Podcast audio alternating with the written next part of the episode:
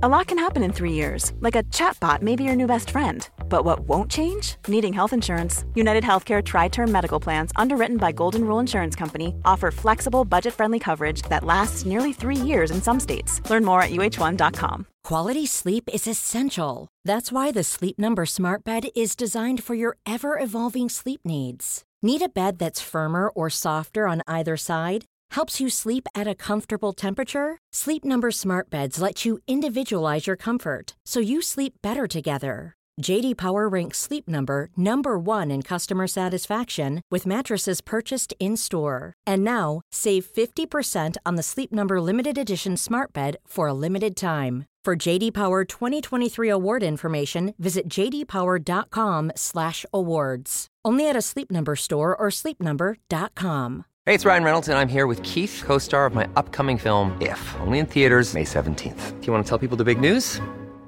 All right, I'll do. Sign up now and you'll get unlimited for $15 a month in six months of Paramount Plus Essential Plan on us. Mintmobile.com slash switch. Upfront payment of $45 equivalent to $15 per month. Unlimited over 40 gigabytes per month. Face lower speeds. Videos at 480p. Active Mint customers by 531.24 get six months of Paramount Plus Essential Plan. Auto renews after six months. Offer ends May 31st, 2024. Separate Paramount Plus registration required. Terms and conditions apply if rated PG. Yabby-dabby-doo! Ok. Hvis dere lurer på hvorfor Harald prøver å skape god stemning, så er det fordi da vi var ute og kjørte i sted, hadde glemt noe, måtte snu, og jeg skal sette meg inn igjen i bilen, så uh, prøver du å kjøre fra meg. Og det der å prøve å sette seg inn i en bil når den andre kjører, er ekstremt provoserende. Med mindre man sitter i bilen. Da er det faktisk ganske morsomt. I tillegg så sto naboen utenfor, og jeg måtte liksom sånn ja, Nei, det er typisk Harald, det her, da. Nei, så, mens jeg liksom slo hardt på bilen og egentlig hadde lyst til å filleriste deg. Jeg lå godt. Bernhard skjønte ikke så mye, men jeg er helt sikker på at hvis han hadde skjønt det, så hadde han også ledd. Jeg ler nå, da. Så stemningen er jo for så vidt god, og det skal den være også resten av dagen, folkens. Det gleder meg å høre.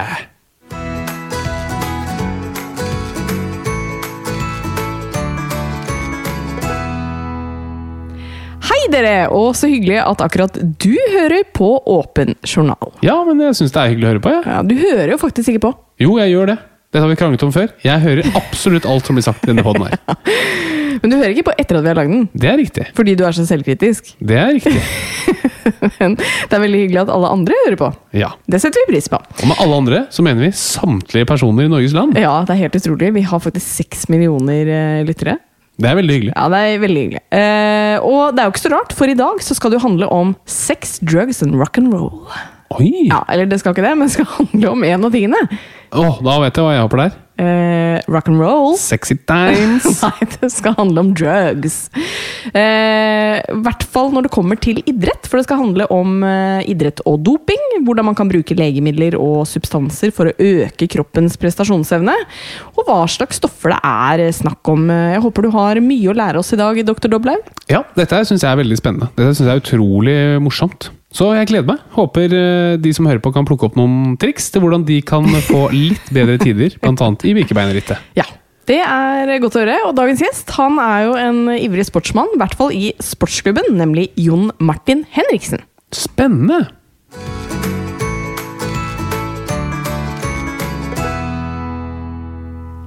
Du, sjuk greie skjedde her forleden. Penisen min datt av. Hva, hva mener du nå? Den datta. Den gjorde jo ikke det. Jo, den datta. Jeg bor jo med deg. Du ville jo sagt fra til meg at penisen din har falt av. Ja, men du hadde ikke sett det? Fordi Nei, hadde du sett det hvis den hadde? Falt av? Nei. Så da vet du ikke om den har falt av eller Jo, ikke? men jeg ser deg jo naken. Ja, det er sjelden. Nei, det gjør jeg faktisk titt og ofte. Eh, me- eh, Nei. Jo, fordi du går jo Du går jo veldig mye i eh, bare boksershorts, i hvert fall. Så jeg ville jo sett hvis noe manglet foran der.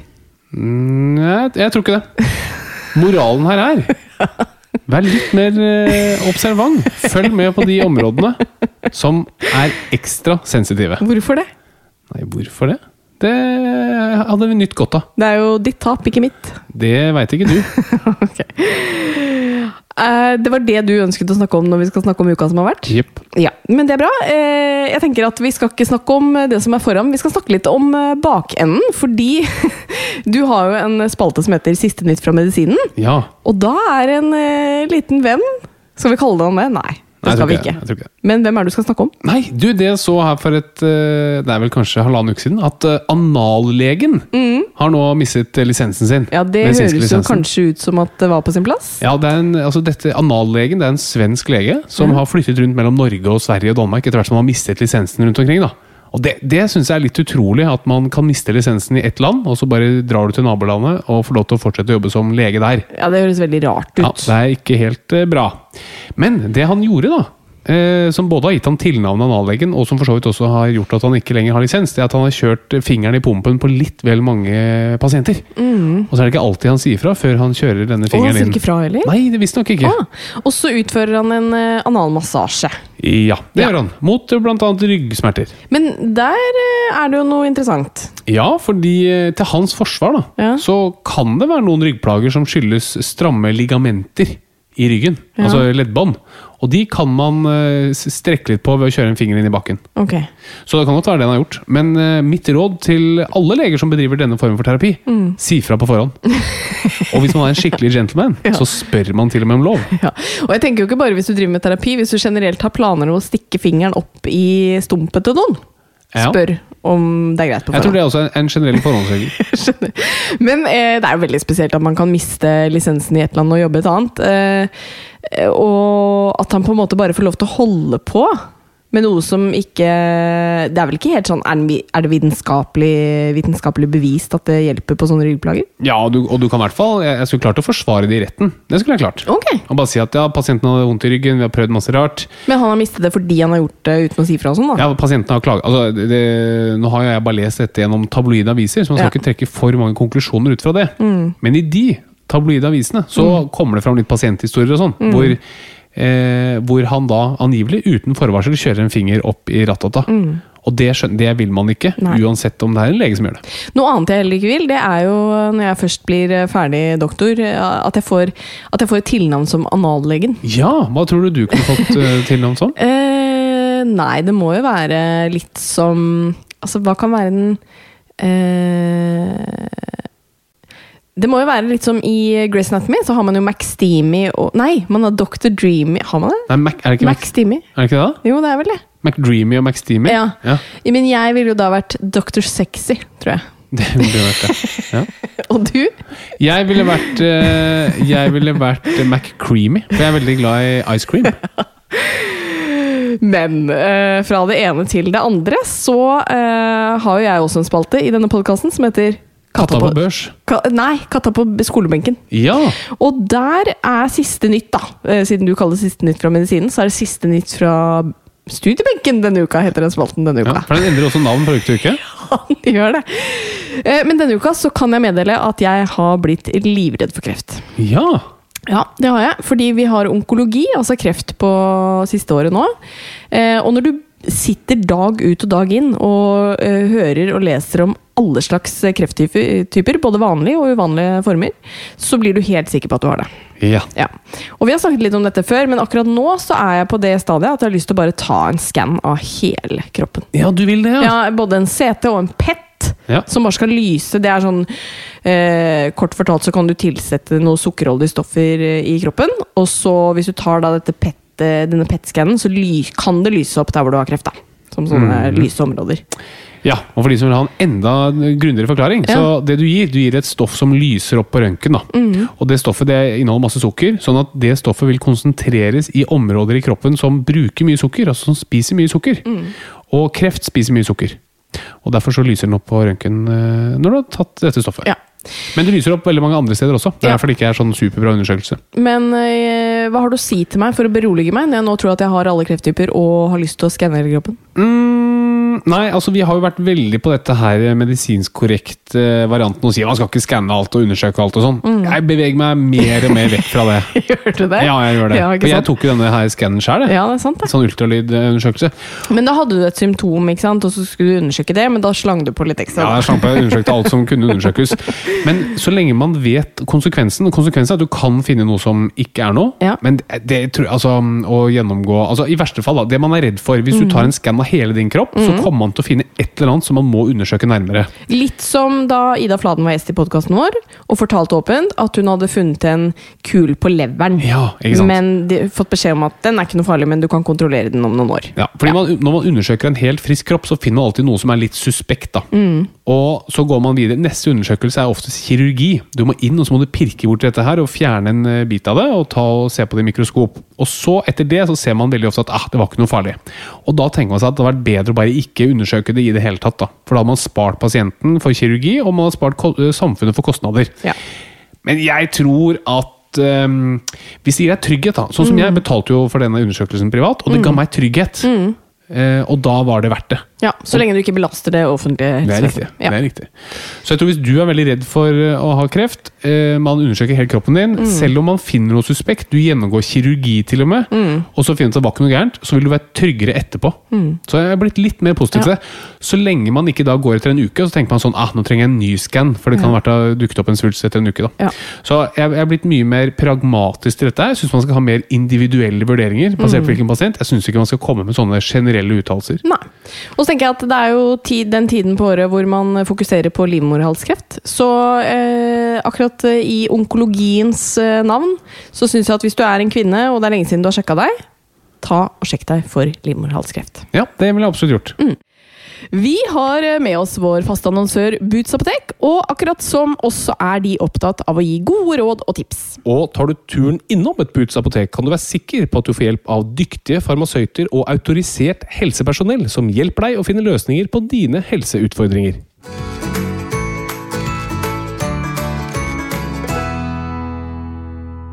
Og så har jeg jo denne uken også spalten Lyden av Harald, eh, og denne gangen så treffer jeg spot on. Er Ja, du klar? Eh, veldig klar.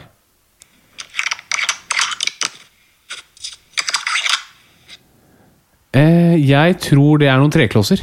Nei. Nei. Nei, nei, nei, nei, nei, nei, nei. Det minner meg om deg. Det minner deg om meg. Kan det være noe muskuløst? Nei, det er noe som tar mye tid. Eh, er det noe ansiktskremer? Ja. Aha! Klarer du, klarer du å identifisere hvilken av de åtte du bruker hver dag jeg er inne på her? Eh, A-vitamin? Nei. Nei. Det er serumet ditt. Det er serumet. Ja. Hvilket av de? Eh, det er eh, Det husker jeg faktisk ikke, for de er ganske like i flasken.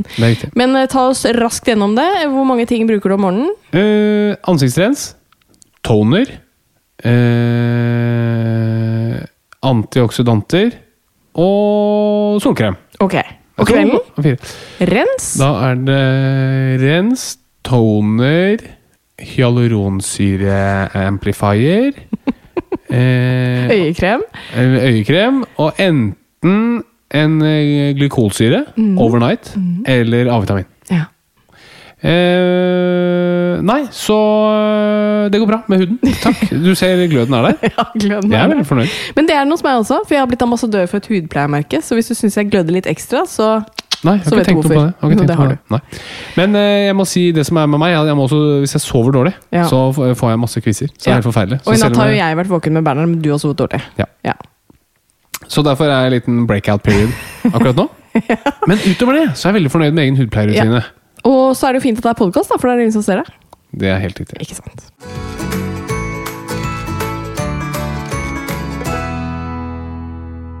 Denne uken så skal det handle om eh, doping, og det skal handle om eh, doping fra et idrettsperspektiv. Og hvis man ser det fra det perspektivet, Harald, hva er egentlig doping, da?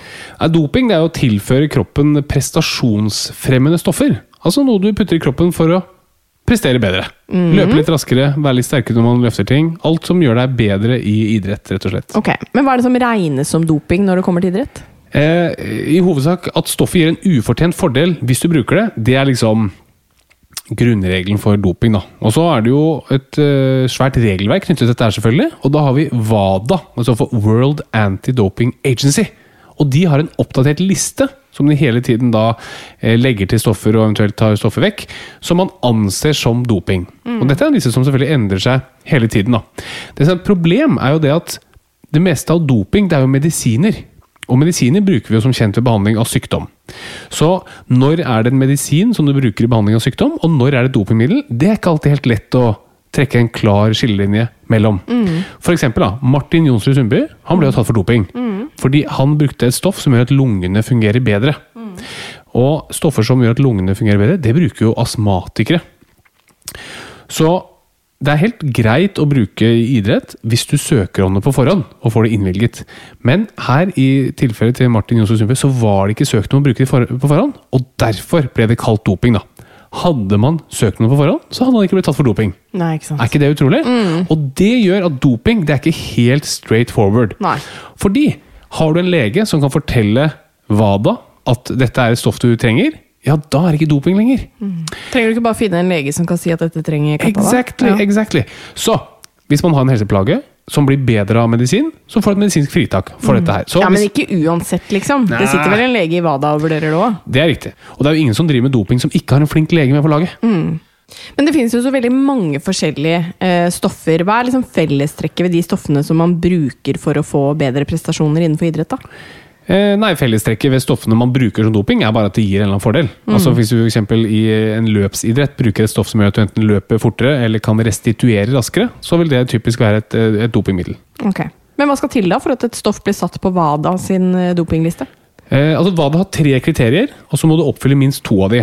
Så et kriterium er at stoffet er helseskadelig. Et annet kriterium er at stoffet er prestasjonsfremmende. Og et tredje kriterium er at det må bryte med idrettens verdier og anseelse.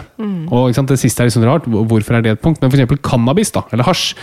Det er ikke helt sikkert at det er helseskadelig, det er ikke helt sikkert at det er prestasjonsfremmende, men fordi det bryter med idrettens verdier og anseelse, så er det regnet som et uh, dopingmiddel. Da. Men det som er veldig viktig her, er at WADA må jo oppdage stoffet, og så skrive det inn på listen, for at det skal være et, um, et dopingmiddel. Og inhalasjon av xenongass, f.eks., det brukte russiske utøvere ganske lenge. De brukte det også under OL i Sotsji i 2014. Men det var først etter OL i Sotsji at WADA kommer og sier sånn Hei, hei, hei, hei, nå gjør vi dette stoffet ulovlig.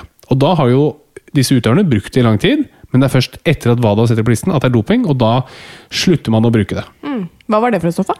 Eh, Xenongass er et, eh, en gass som når du inhalerer den, så bidrar den til at kroppen produserer mer eh, røde blodlegemer. Så, ikke sant det, virker litt som at WADA baserer seg på at folk ikke vil dope seg. Ikke sant? Ja. Og, og det er ekstremt naivt og blåøyd, da. Syns jeg, Ja, ja. personlig. Eh, For de må ha det inne på listen, og hvis de ikke har vært inne på listen, så, så er det ikke doping. Og det, det det kan føre til, er at folk som går inn for å dope seg, de slipper unna. For de er, kan du bare følge nøye med. Mens de som har bommet på noen teknikaliteter, de blir tatt. Og det eh, syns jeg i hvert fall er litt kontraproduktivt. Ja, det er jeg enig i. Ok, men vi må ta de vanligste stoffene, da. Hva, hva fins der ute? Så hvis du generaliserer litt, som jeg er glad i å gjøre når det kommer til å forklare, så kan du si at i idrett så trenger du gjerne større muskler, god kondisjon og evnen til å ikke bli sliten. Det er liksom generelt sett uansett hvilken idrett du driver med. Så er Ikke det, bare idrett, så det hadde vært deilig å ha i livet generelt. ja, det skjønner jeg. Så da kan vi ta en prat etterpå. Men alle stoffer som gir en av disse tingene, vil jo være fordelaktige. Så sterke muskler, eller store muskler, det får du av anabole steroider. God kondisjon, det får du av mange røde blodceller i eh, blodet. Og røde blodceller det får man enten ved å ta stoffer som øker kroppens produksjon av røde blodceller, det heter EPO, eller ved å ta blodoverføringer til seg selv. Altså Enten du tar blod fra andre og gir til deg selv, eller du tar blod fra deg selv, tar du ut av kroppen, venter til kroppen bygger opp sine egne lagre, og så tar du tilbake igjen i kroppen. da. Og til slutt, evnen til å ikke bli sliten er veldig viktig, og sånn som kokain og amfetamin gjør at du orker veldig, veldig mye mer. da. Så noe som gjør en av disse tingene her, vil typisk være et bra dopingmiddel. Hva gjør anabole steroider med kroppen, da? Em, så Anabole steroider det er stoffer som øker muskelbygningen, og så hemmer den nedbrytningen av muskler. Så muskler bygges opp og brytes ned hele tiden i kroppen. Um, og så gir den litt økt benmasse.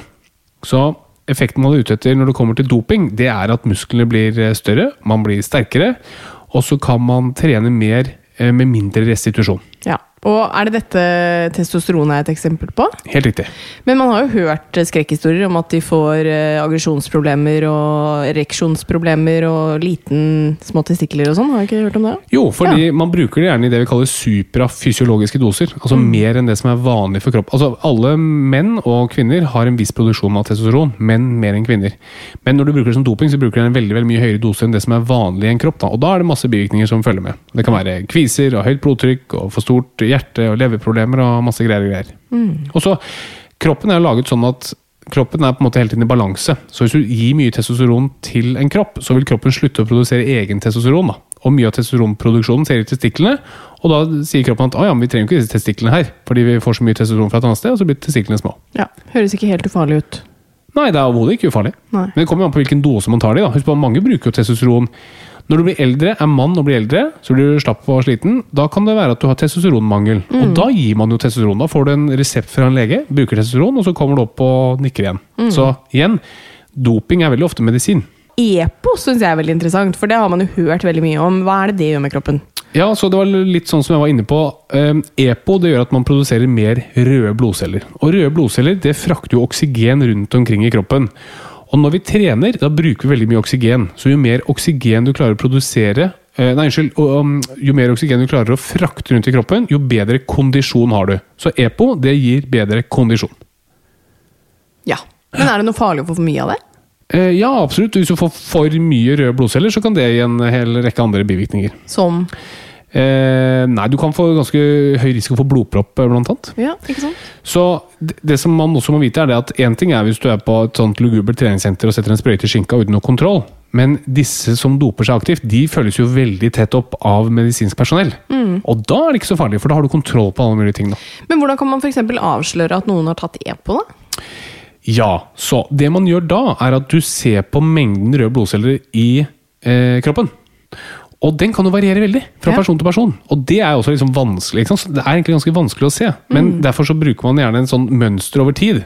Så man sier til deg, Katarina, nå skal vi måle røde blodceller hos deg eh, gjennom et helt år. Og det skal ligge sånn relativt stabilt. da. Så hvis du rett før en konkurranse har liksom 30% mer røde blodceller, så må man si her er det høy sannsynlighet for at du er dopet. da.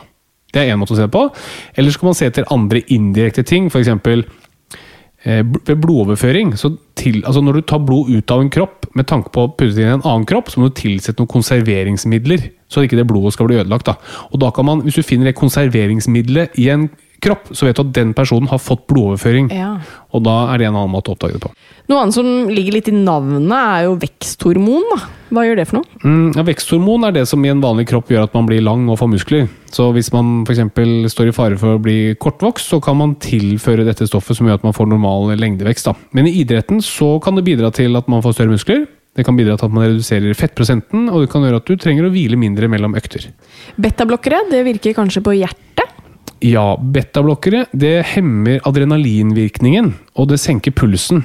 Så hvis du tar betablokker, så blir du ikke så stresset i kroppen. Du skjelver mindre, du får ikke så høy puls. Så i eh, presisjonsidrett så er betablokker et supert dopingmiddel. Ja, Hva er eksempler på presisjon, da? Nei, skal, skyting. Ja, ikke sant. eller golf. Ja.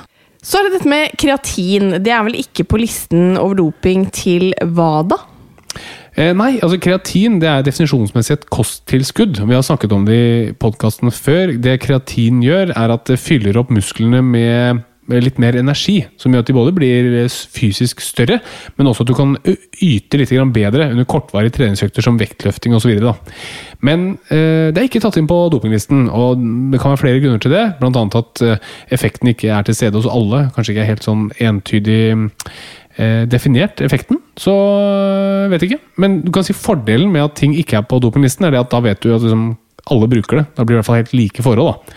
Ting du putter på dopinglisten, vet du at øh, selv om du er en ren utøver, så kan du være ganske sikker på at noen klarer å lure dopingsystemet og ta stoffet likevel. Men det finnes jo også eksempler på substanser man kan bruke for å skjule doping. F.eks. diuretika. Ja, det finnes masse stoffer som man kan bruke. Um, fordi det som er et problem, er at det er som regel ganske lett å skjønne hvordan disse antidopingjegerne jobber. Og da kan man eh, prøve å finne ut hvordan man skal lure disse antidopingjegerne. Så du spurte jo eh, i sted om dette her med røde blodceller, eller bruk av EPO. Hvordan er det man oppdager det? Jo, man tar ut blod, som jeg sa, og så ser man hvor mange blodceller er det i f.eks. 100 ml blod. da. Så hvis du i forkant av en sånn blodprøve tar et stoff som fortynner blodet ditt, så betyr det at når, når dopingerne kommer og tar ut 100 ml blod og teller andre blodceller, så er det mye færre enn det er til vanlig, for du har tatt et middel i forkant som fortynner eh, blodet ditt. Så det er et stoff man kan ta for å ikke bli tatt i doping. Når det kommer til diuretika, som betyr vanndrivende, så vil veldig mange dopingundersøkelser gjøres i urin. At du tar urin fra en utøver, og så ser du hei, finner jeg noen av disse eller disse stoffene. Hvis du i forkant av den prøven tar eh, diuretika, altså vanndrivende, så fortynner du urinen din. Du får mye mer vann i urinen, og da blir konsentrasjonen av de forbudte stoffene mye lavere i urinen, og da er det vanskelig for dopingjegerne å finne det. Men har du eksempler på hva som kan være farlig med doping og idrett? da? Ja, altså Disse stoffene har jo masse bivirkninger, som vi har snakket om. og igjen Dette med anabole steroider, at du kan bli infertil, og det å få et hjerte som blir Hjertet er en stor muskel, ikke sant? så hvis hjertet vokser for stort, så er det ganske farlig. Og så kan det mye at det gir psykiske plager. Angst og depresjon. Så, og mye aggresjon også, sånn som du sier. Så det er, det er masse bivirkninger. Men igjen, som regel, disse utøvere som doper seg, har et svært medisinsk team som sitter rundt og følger med. Ja. Da eh, håper jeg ikke vi har inspirert folk til å dope seg når det kommer til idrett. Jeg håper kanskje de har blitt litt eh, Ja. Fått et eh, litt eh, bredere bilde av det, men eh, ikke fått så lyst til å drive med det. Nei, altså vi, Vår jobb er å være objektive informasjonsformidlere for vitenskapen. Så jeg vil, jeg vil, ikke, jeg vil ikke, anbefale at man doper seg i det hele tatt. Jeg, synes det, jeg, jeg, jeg ville ikke skjønt meningen å vinne noe hvis du er dopet, fordi Nei. da har du jukset. Så er ikke det jeg mener. Men sånn, fra et medisinsk perspektiv så er det veldig interessant. Og jeg syns det er veldig synd at disse byrå, antidopingbyråene eh, til dels har vært korrupte. At de eh, ikke klarer å ha et system som gjør at folk blir tatt. Det syns jeg er veldig synd. Og jeg, jeg tror at en, en idrettsutøver vil ofte strekke seg langt for å vinne. Og man må, jeg tror man må ha et utgangspunkt om at eh, det finnes mange som prøver å lure systemet. Jeg husker da jeg spilte VM i shuffleboard i Østerrike i 2019, så det, var det jo veldig mange eh, pensjonister der, som var eh, godt over 60-70 og også over 80 år. Og de tulla mye med at uh, hvis man hadde kommet inn som uh, hadde kommet noen fra WADA der, så hadde jo alle blitt tatt, for de gikk jo altså på så mye legemidler hele gjengen at, uh, det, Og det syns jeg var veldig fint. De hadde mye selvironi på akkurat det. Og der har det ikke vært noen dopingkontroller, så da vet dere det WADA da hvis dere ønsker å ta en liten titt i uh, shuffleboard-miljøet. WADA. Det er bare å møte opp.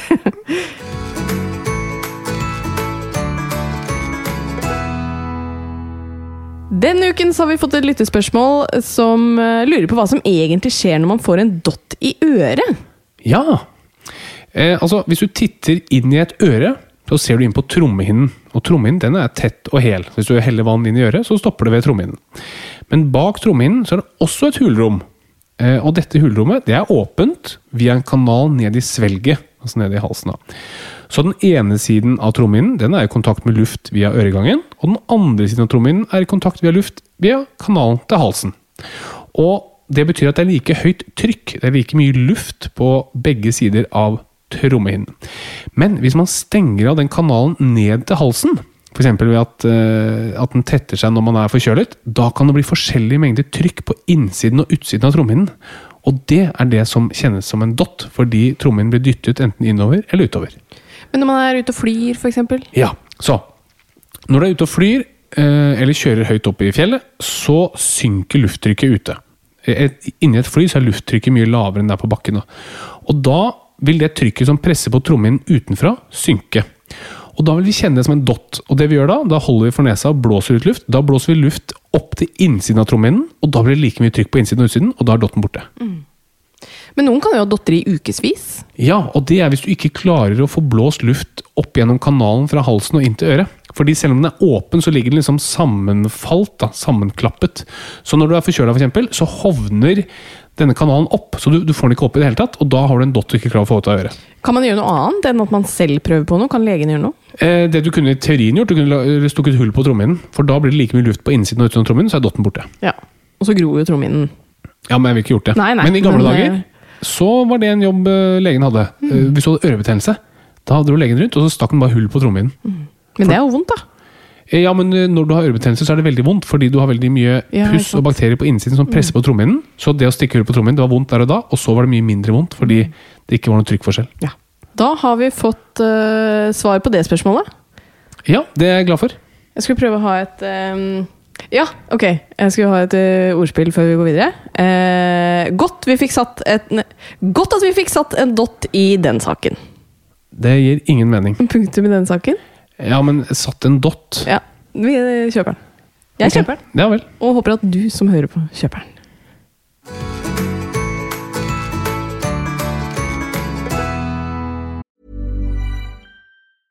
Hiring for your small business? If you're not looking for professionals on LinkedIn, you're looking in the wrong place. That's like looking for your car keys in a fish tank. LinkedIn helps you hire professionals you can't find anywhere else, even those who aren't actively searching for a new job but might be open to the perfect role. In a given month, over 70% of LinkedIn users don't even visit other leading job sites. So start looking in the right place. With LinkedIn, you can hire professionals like a professional. Post your free job on linkedin.com/people slash people today. One size fits all seems like a good idea for clothes until you try them on. Same goes for healthcare. That's why United Healthcare offers flexible, budget friendly coverage for medical, vision, dental, and more. Learn more at uh1.com. Hey, it's Ryan Reynolds, and I'm here with Keith, co star of my upcoming film, If, only in theaters, May 17th. Do you want to tell people the big news? Right, I'll do. Sign up now and you'll get unlimited for $15 a month in six months of Paramount Plus Essential Plan on us. Mintmobile.com slash switch. Upfront payment of $45 equivalent to $15 per month. Unlimited over 40 gigabytes per month. Face lower speeds. Videos at 480p. Active Mint customers by 531.24 get six months of Paramount Plus Essential Plan. Auto renews after six months. Offer ends May 31st, 2024. Separate Paramount Plus registration required. Terms and conditions apply if rated PG.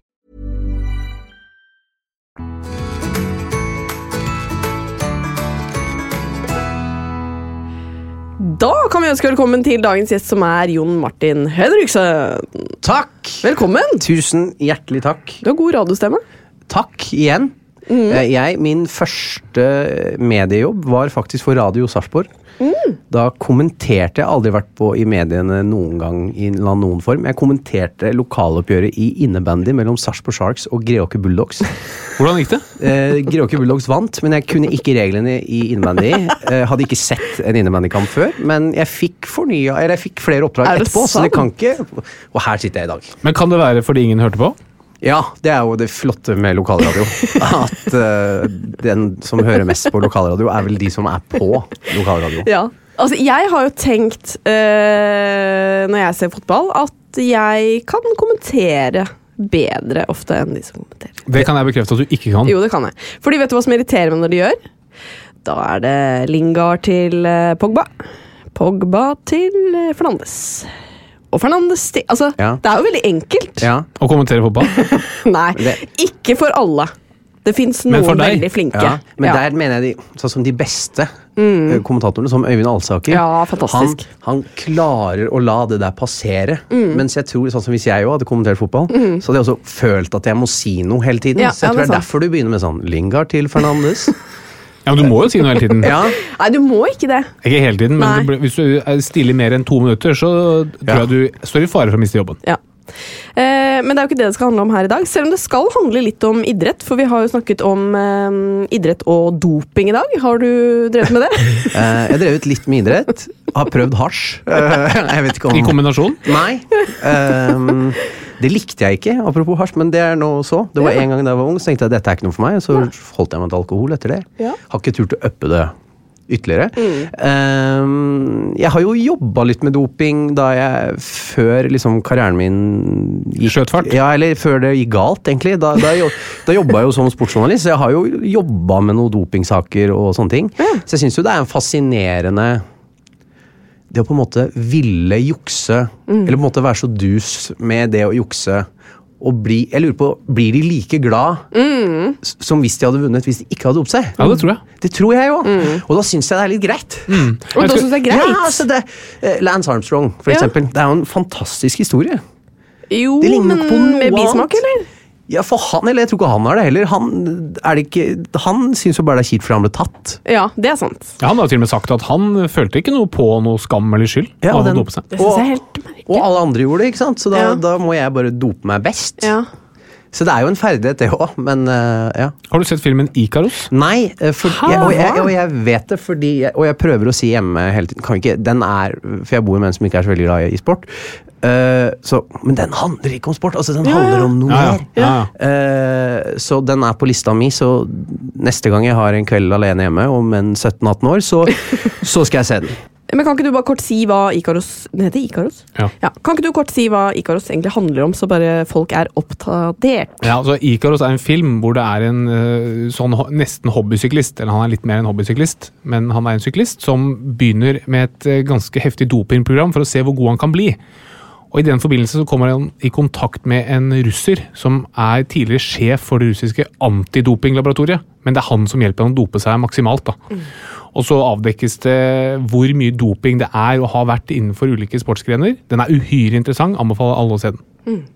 Veldig bra. Men Men jeg liker den- at vi sier 'hæ'? Vi så den jo for tre uker siden, vi òg, Ja, men men da har vi berettiget til å si Ja, ja. hæ. Ja, ja, ja. Og det jeg må si, etter jeg så den og gjorde litt research, jeg har ingen tiltro til antidopingmyndigheter. Nei, det er jeg enig i. Du mister litt troa på det. Ja, jeg tror, jeg tror det, det antidopingarbeidet det Ja. er ikke eksisterende. Ja. Det eksisterer på papiret, ja, man må ha det, men det, er doping, det er så mye doping i idrett. Ja, og det er så fascinerende hvor mye det er mye avdekking det er i sykkel, f.eks. Langrenn har det jo vært. Men i fotball er det jo nesten ingen tilfeller. Nei, men tror du det er Hva tror du det skyldes? Eh, Det, det er et interessant spørsmål, for hvorfor skal ikke fotballspillere Ja. dope seg? Ja. Som er en så, såpass kompleks idrett. Eh, det er jo så mange gode grunner til å dope seg. Ja. Sånn for å, for å bli bedre. Så jeg klarer ikke å se helt hvorfor fotball skal være rent. Men husk på at doping er et litt relativt begrep, fordi veldig ofte så Hvis du har en legeattest på at du bør bruke, eller skal bruke et middel, så kan du bruke det som kalles dopingmidler uten å bli tatt for doping. Ja. Så det finnes veldig mange måter å omgå regelverket på. Så at det er en eh, bruk av prestasjonsfremmende midler uten en soleklar medisinsk indikasjon også i fotball, det er jeg ganske sikker på. For jeg har jo vært i en del sånne mix zones og intervjua fotballspillere, og der det en sjelden gang så kommer ikke en eller annen spiller fordi han skal innom en dopingtest. Ja. Men jeg tror det går ganske mange uh, matcher mellom hver gang du må det. Eh, Har du noen gang stått i mixzone og ventet på en, dop, eh, på en fotballspiller som ikke kommer fordi han doper seg? Nei! Nei, men det hadde vært gøy. det hadde vært gøy. Du vet ikke. Det hadde vært en god Nei, du sak. vet ikke. Ja. Ja, så du eh, Men da forstår jeg deg rett, så syns du ikke det er så ille? Jo, det er jo det. Ja. Det er jo det. Altså, Hvis jeg skal liksom ta på meg ordentlige briller, så er det jo ikke bra. Nei. Eh, men eksempel sykkelsporten, da, som vel har de fleste tilfellene, så har det jo vært så utbredt at Mats Kaggestad sa vel det at uh, du var rar altså hvis du ikke gjorde det. Eh, hvor de hadde blodposene eh, i, i sykkelbussen, og det var, det var så systematisk, da. Ja. Så den ukulturen tror jeg blir så spesiell at du bare blir med, for hvis, hvis ikke så henger du jo ikke med.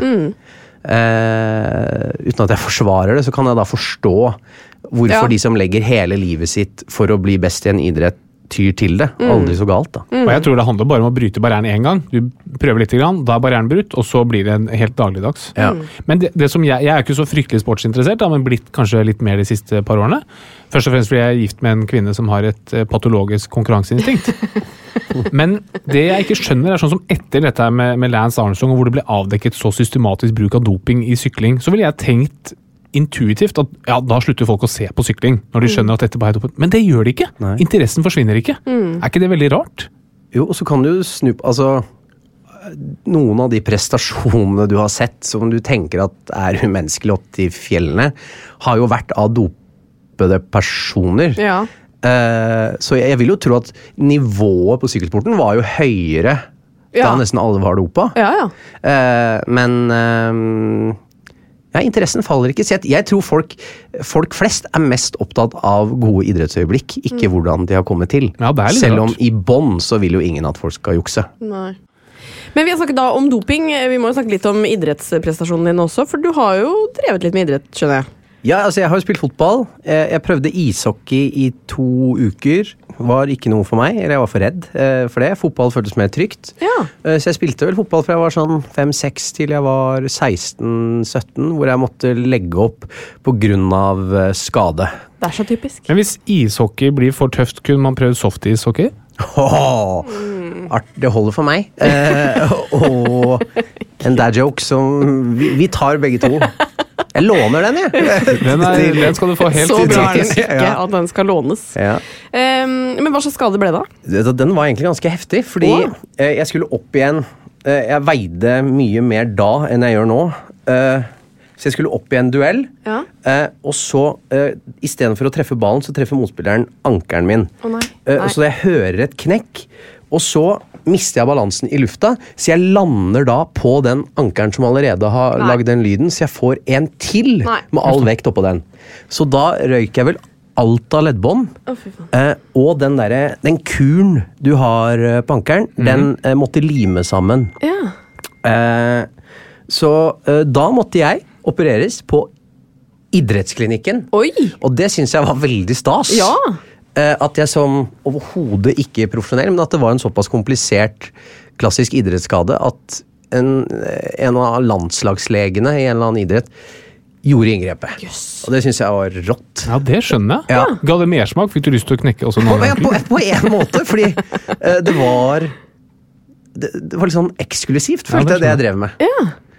Sånne toppidrettsutøvere, som du åpenbart da ikke var, da. Men Ja. eh, man får veldig god oppvartning da. Ja. Idrettsskader Ja. hos unge, friske mennesker. Men uh, har den blitt helt bra igjen etterpå? Nei, Nei. Uh, ikke helt. Nei, så det var ikke så Kanskje det var ikke så bra, kanskje. Eh, Nei, uh, men eh, den er Hvis jeg løper Nå løper ikke. Nå, ja, jeg løp, hvis jeg løper, Ja. Over fem-seks mil. ja, fem-seks kilometer, så, så kan jeg få vondt etterpå. Ja. Men det gjør ikke så vondt mens det pågår. Nei. Så da har jeg slått meg til ro med at sånn er det bare. Ja. Og det går greit. Ja. Så da har du en unnskyldning for ikke å løpe mer enn fem-seks kilometer? Ja, og har da selvfølgelig den unnskyldningen for hvorfor jeg ikke ble fotballproff. Ja. deilig. ja. For ellers hadde du blitt det. Selvsagt! Ja. Da hadde jeg ikke hatt tid til å være her nå. Eh, men helsa ellers da, Jon Martin? Er den eh, god? Jeg har litt vondt i venstre brystvorte. Da vil vi gjerne høre hvorfor. Ja, jeg tok nipple piercing eh, i helgen. Ja. Deilig. Som jo er en vanlig lørdag. Ja, ikke sant? Eh, Hjemme nei. med Ja, med barna liksom. også. Jeg skal bare ut Jeg skal ut en liten tur. Komme hjem snart. Eh, nei, jeg, var jo, jeg er jo med i et TV-program som heter Sportsklubben, og vi har noe som heter Sportsløpet hvert år. Eh, så Helene Olavsen og jeg var i eh, Ålesund, Ja. og så var det en oppgave, toppoppgave, for å gi mest poeng, er å ta uh, piercing i nipperen. Helene bare sier 'den tar vi', Oi! uten å på en måte rådføre seg Med- uh, med meg om dette er noe for oss. Ja. Og så sier Helene med en gang uh, Jeg har barn, skal sikkert ha flere barn. Amming. eh, dette blir deg. Ja. Å, fy faen. Eh, og da ble det meg. Ja. Eh, og det var, unnskyld språket, jævlig vondt. Så vondt? Jævlig vondt var det. Det vanskelig for å se det for meg. Uh, du kan se for deg at noen Du tar en tjukk, tjukk nål og bare tar den tvers gjennom nipperen din. Men går det ikke såpass fort at Jo, men akkurat de ti sekundene er traume. Tenk hvis du skulle født Jon Martin. Ja. Hvis du syns ti sekunder er traume. Jo, men uh, Ja, og jeg uh, skjønner at jeg har ikke noe svar å gi til deg på den. Men av hva jeg har opplevd, Ja, ja. så er det det mest smertefulle, ja. Vondere enn jeg husker av da jeg tok ankelen. Av sånn øyeblikkssmerte. Sånn akkurat der og da. Helt forferdelig.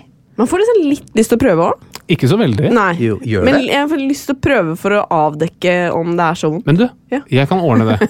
Ja. Nei. Jeg kan ta med en kanyle hjem, Nei takk. så Nei, takk. desinfiserer vi en av de mm. brystvortene dine, og så kjører vi på. Ja. Så der har du vondt. Men eh, har du drevet og rensa og sånn etterpå? ja, eller? litt. Ja, ikke sant? Eh, Så nå har jeg en sånn plastersak på det fortsatt. Eh, så nå er det Det blir stadig mindre ømt. ja, det er Men du bra. har tatt den ut? Ja, jeg har tatt den ut. Eh, Mariann i Ålesund, som satte den inn. Jeg hadde stående avtale med en gang jeg satte den inn, at du må også ta den ut. Mm. Så så fort vi skrudde av kameraene lørdag kveld, så var jeg rett til Mariann og rett ut. Ja. Og det var en lettelse. Eh, men er du frisk sånn ellers? Altså Jeg har veldig mye allergier. Ja.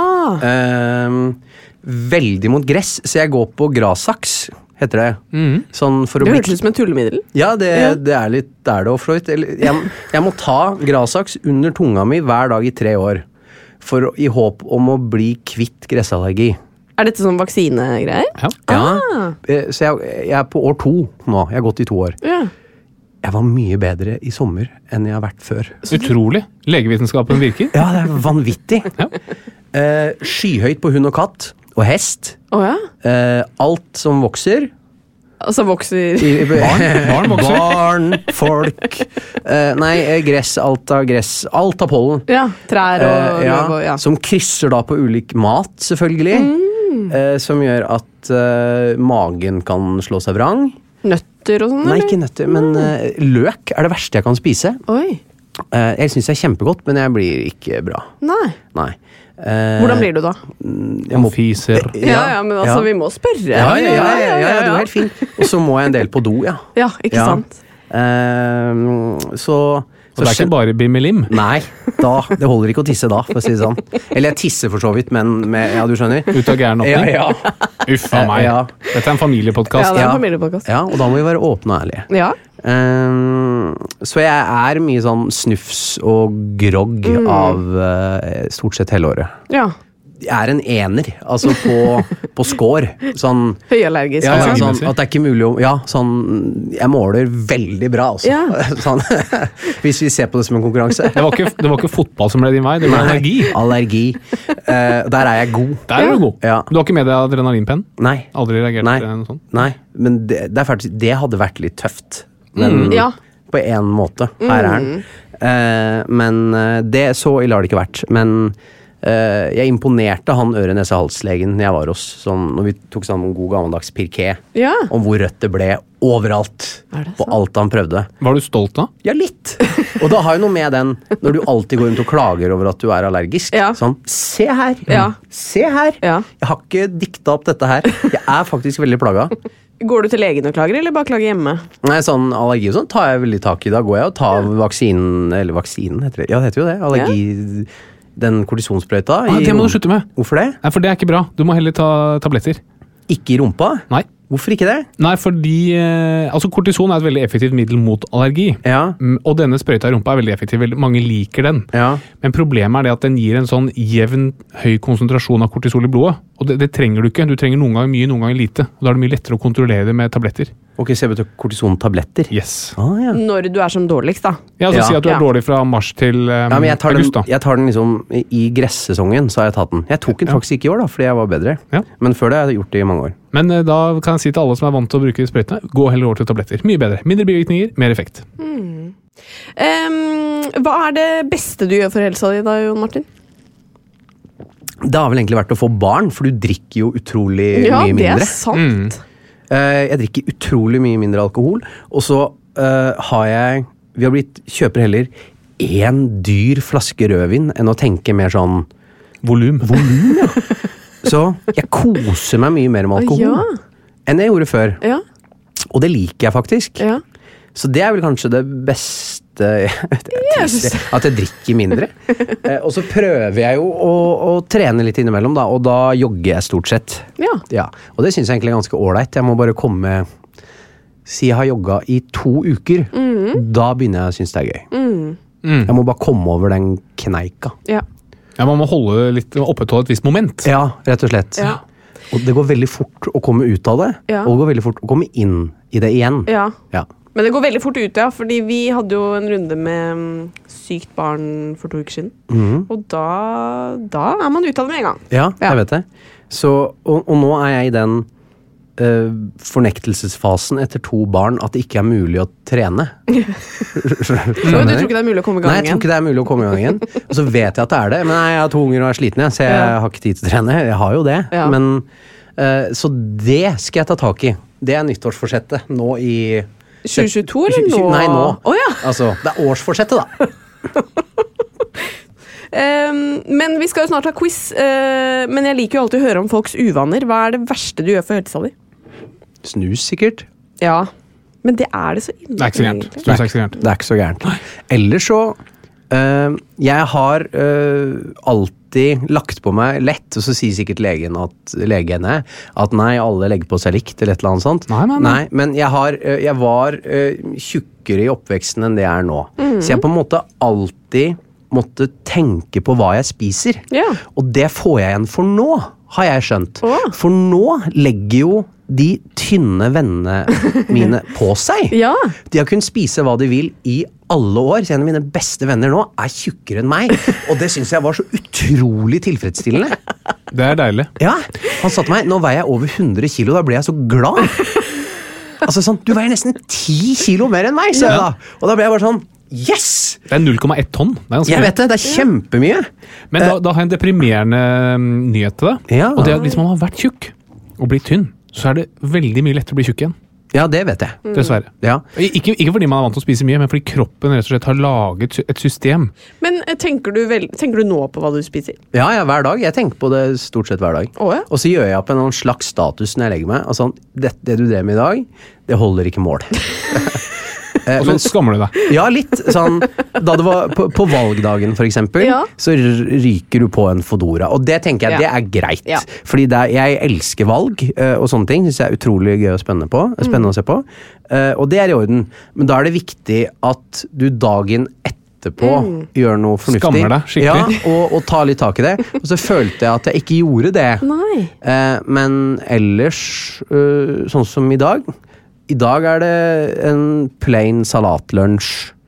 Og så kanskje salat til middag òg, tenker jeg. Oi. Oh, ja. Du går så drastisk til verks. Ja, Ja. Men eh, det har jo dere sånn Altså, mat og barn er jo Ja. et helvete. Ja. Middag. Ja, ja. Hvis vi prøver nå å finne en eller annen mirakelkur, hvis noen har funnet ut av det, si fra. Hvordan vi kan være tilfreds med middagen samtidig som barna er det. Ja.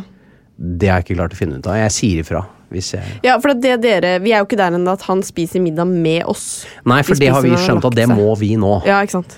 Eh, og For du kan ikke Du kan ikke spise bolognese til middag hver Nei, dag, nei, jeg liksom. skjønner. Eller fiskepinner, for den saks skyld. Så det er liksom fiskepinner, bolognese, makaroni med ost. Åh. Og det er ikke leve. Nei. Det går ikke. For han er ikke noe sånn laks... Du kan spise litt fisk og sånn. Ja. Sier jo at selvfølgelig barnehagen Han spiste to porsjoner med laks i dag. Altså, Ja. Hva?! Ja, men de, jeg tror, de ljuger i barnehagen. Det tror jeg òg. Tror jeg også. De, de, de skal bare få deg glad. Ja. Han har sovet i to timer, han har spist kun brokkoli og grønnsaker, og så vet jeg at de, de, de slår ikke tilbake på dem, fordi de ungene kan jo ikke si noe. Nei, nei, nei. Uh, men de tar jo bilder. At han fysisk sitter og Oi, spiser så fisk. flott, da. Kommer hjem. Og for jeg føler at alltid Nå har vi lagt sjela i å lage en god middag til hele familien. Rør ikke maten. Nei, er ikke det Barna så jeg spiser. Ja, ja. Og så kaster dere litt på gulvet? Ja, ja, ja. ja, ja. Det er, de er jo takknemlige, disse ungene. Ja, fantastisk. Men ellers veldig koselig, altså. Veldig Ja, koselig. Bare så, det, bare så det er sagt. Men hvor koselig blir det med quiz? Og det tror jeg blir ganske koselig. Oh, ja. Jeg vet at eh, noen har forberedt seg veldig godt, og vi kjører quiz. Og med oss i dag har vi to eh, fantastiske gjester. Ja. Jeg ber dere i dag om å introdusere dere selv. Starte med deg, ja. frue. Ja, det er med, Studmed eh, Katarina Fatland. Ja, god dag. Ja, hei. Uutdannet programleder Jon Martin Henriksen. God dag. Det er jo en viss skjevhet i utdanningsnivået her. Ja. Jeg er enig, Katarina har litt svak Har du videre? Har du videre Ja, så vidt videregående. Oh, ja. Ja. Men, eh, men historisk sett så klarer du å gjøre det ganske dårlig på tross av en Ja eh, på papiret høy Absolutt. utdannelse. ja. Vi starter um, ganske enkelt med deg, Jon Martin. I hvilken kinesisk idrett avlegges det oftest positiv dopingprøve? Bordtennis. Mm, turn. Dopingpong. Så du var inne på det? Jeg var, ja, ja, Du var inne på det. ja, jeg var det. Han får ikke poeng for det. Jo. Nei, nei, nei, nei, nei, nei, nei. Nei, folk Nei. Katarina, anabole steroider. Ja. Det benyttes mye som doping. Ja. Hva betyr anabol? Eh, å bygge opp. Hva betyr det, Jan Martin? Da, da, da, jeg kan ikke svare det hun har svart. Nei. Nei. Da, det, det Eller du kan jo det, men vok, vok, voksemiddel. Det betyr faktisk å bygge opp. Ja, så ender til Katarina. Ja. Eh, neste spørsmål, Jon Martin. Hvem var Grigori Rodchenkov? Dopinglege. Katarina? Ja, det er han antidopingsjefen. Ja, helt riktig. Den russiske eh, antidopingsjefen. Hva, eh, så dere får ett et poeng hver. Mm. 2-1 Katarina. Hva gjorde Rodsjenkov under OL i Sotsji i 2014? Altså den russiske sjefen for det Altså, den sjefen for det russiske antidopinglaboratoriet. Hva Mm. gjorde han i OL i Sotsji 2014? Han, han hvisket over sannheten. Han manipulerte prøver. Ja. Okay. Ja. Ja, ganske riktig. Han var ansvarlig for Russlands doping av sine egne utøvere. Det er helt sjukt. Det er jo litt paradoksalt. Litt Ja. artig. Det regner jeg med fra høyeste hold. At eh, Putin sier du løser dette her. Men det tror jeg det var. Ja, ja, ja. Ja. Ok, Så vi har altså en stilling 2-1 til Studmene Flatland. Ja. Um, Jon Martin, kan det være at all dopingen i Russland skyldes en misforståelse? Altså at russerne tror det skal hete Russisk antidopingbyrå? Nei. Katarina? Nei, nei. Jeg tenker det kan være det. Fortsatt 2-1 til Katarina. Alt i doping? Alt, russisk antidopingbyrå? Alltid. Jeg skjønner ikke hva du mener med alltid. Alt ti- tid. Alt, Å ja, alltid, ja. Ja, ja, ja. Kan jeg da få poeng? For jeg forsto den. Ja, det er, det, er, det, er fristende, å- det er fristende å trekke Katarina litt her. Men her har du muligheten, da, Katarina, Ja. for dette tror jeg du er god på. Man kan bruke høydehus for å forbedre kondisjon. Ja. Men hva kan man bruke for å forbedre ereksjon? Her er det et ordspill vi skal fram til. Det vet du ikke. Jo, jo. Høydehus Jon Martin, vi kan ikke bruke hele navnet på dette her. Høydemus! Høydemus! Ja! Er det sant?! Veldig bra.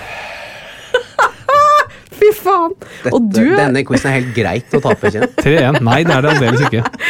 Og det var deilig!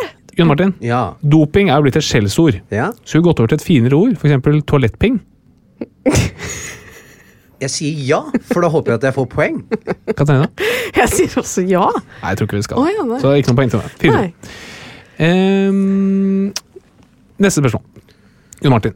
Det familieeide selskapet Berlinger utviklet et prøveglass til urin som, etter det var fylt urin, var umulig å åpne uten å ødelegge glassene, og skulle dermed forhindre doping. Var det umulig å åpne disse glassene? Nei. Nei. Nei, det var ikke det, vet du. Nei. Utrolig. Ja, Helt utrolig. Eh, neste spørsmål. Jon Martin. Vant Lance Armstrong Tour de France etter at han hadde kreft? Ja. Ja. Ja. ja, det hadde han. Ja. Hva slags kreft hadde han? Eh, Testikkelkreft. Ja. Med spredning til hjerne og lunge. Og så er etter det vant han eh. Tour de France. Det er helt utrolig. Nest siste spørsmål, Katarina. Ja. Kan du gi meg navnet på et anabolt steroid? Eh, testosteron. Jon Martin? Det var dårlig gjort.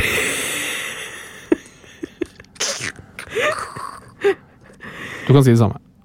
Testosteron. Ja, helt riktig. Veldig bra. Har du, har du navn på noen flere?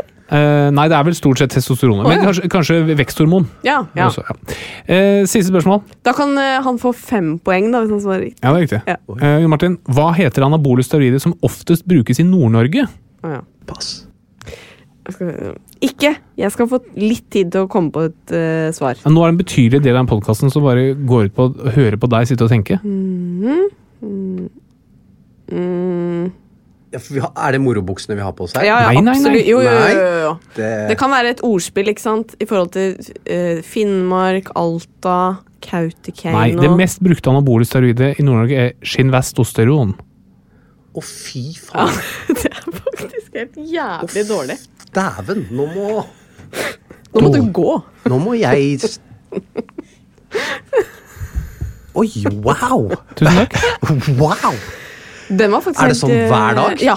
Er det sånn, sånn hver dag? er det hver dag. Det er veldig slitsomt. Uh, det var rekord.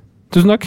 Men da var det faktisk StudMed eh, Ja på- da, ja da, ja da. ja da, ja Og det syns jeg er fint. Ja, tusen takk jeg for syns det. det er bra. Ja. Jeg har Studert fem år. Ja, det er viktigere at du kan dette enn meg. Ja, det er helt riktig. Eh, før vi avslutter, så pleier vi alltid å få et eh, tips til Bernhard til hvordan han kan bli en eh, fin fyr. Så du har jo to barn. Mm. Regner med at du har et godt råd på veien. Ja. Eh, råd er Prat med barna så mye som mulig, er et råd jeg har. Ok, for da Eh, jeg, jeg føler at vår eldste sønn, som er to og et halvt, har og også kan hende har noe med gener og sånn. Han var veldig tidlig ute med å prate, men vi var veldig bevisste på å snakke veldig mye med han fra han var bitte, bitte liten. Eh, og det skal vi fortsette med med nummer to, og gjør vi også. Og at det kanskje er med på å gjøre at de uttrykker seg enda tidligere. da. Jeg vet ikke om det er noe vitenskap, men det føler vi har funka. Ja. Og er gøy, da. Ikke sant? Jeg føler jo også det. Og Bernhard er jo bare et år, og han, øh, han snakker jo i fulle setninger. Han, altså. han er jo så høyintelligent. ut bok, han. Så vi trenger faktisk ikke å gjøre det. Da, vi. Eget forlag. Eget forlag. Men det er et godt tips. Vi skal øh, gjøre det, og det føler jeg vi er på god vei til. Vi liker jo å prate med han. Absolutt. Ja. Flere språk? Eller eh, starte med ett språk? Begynne med ett. Ja, okay. Så vi er, på, vi er på kinesisk nå. Ja, ok. Ja. Yes. Kjempebra. Ja. Gode tips. Da sier vi Ni hao og ha det bra! ha det bra! Ha det bra. Plan B.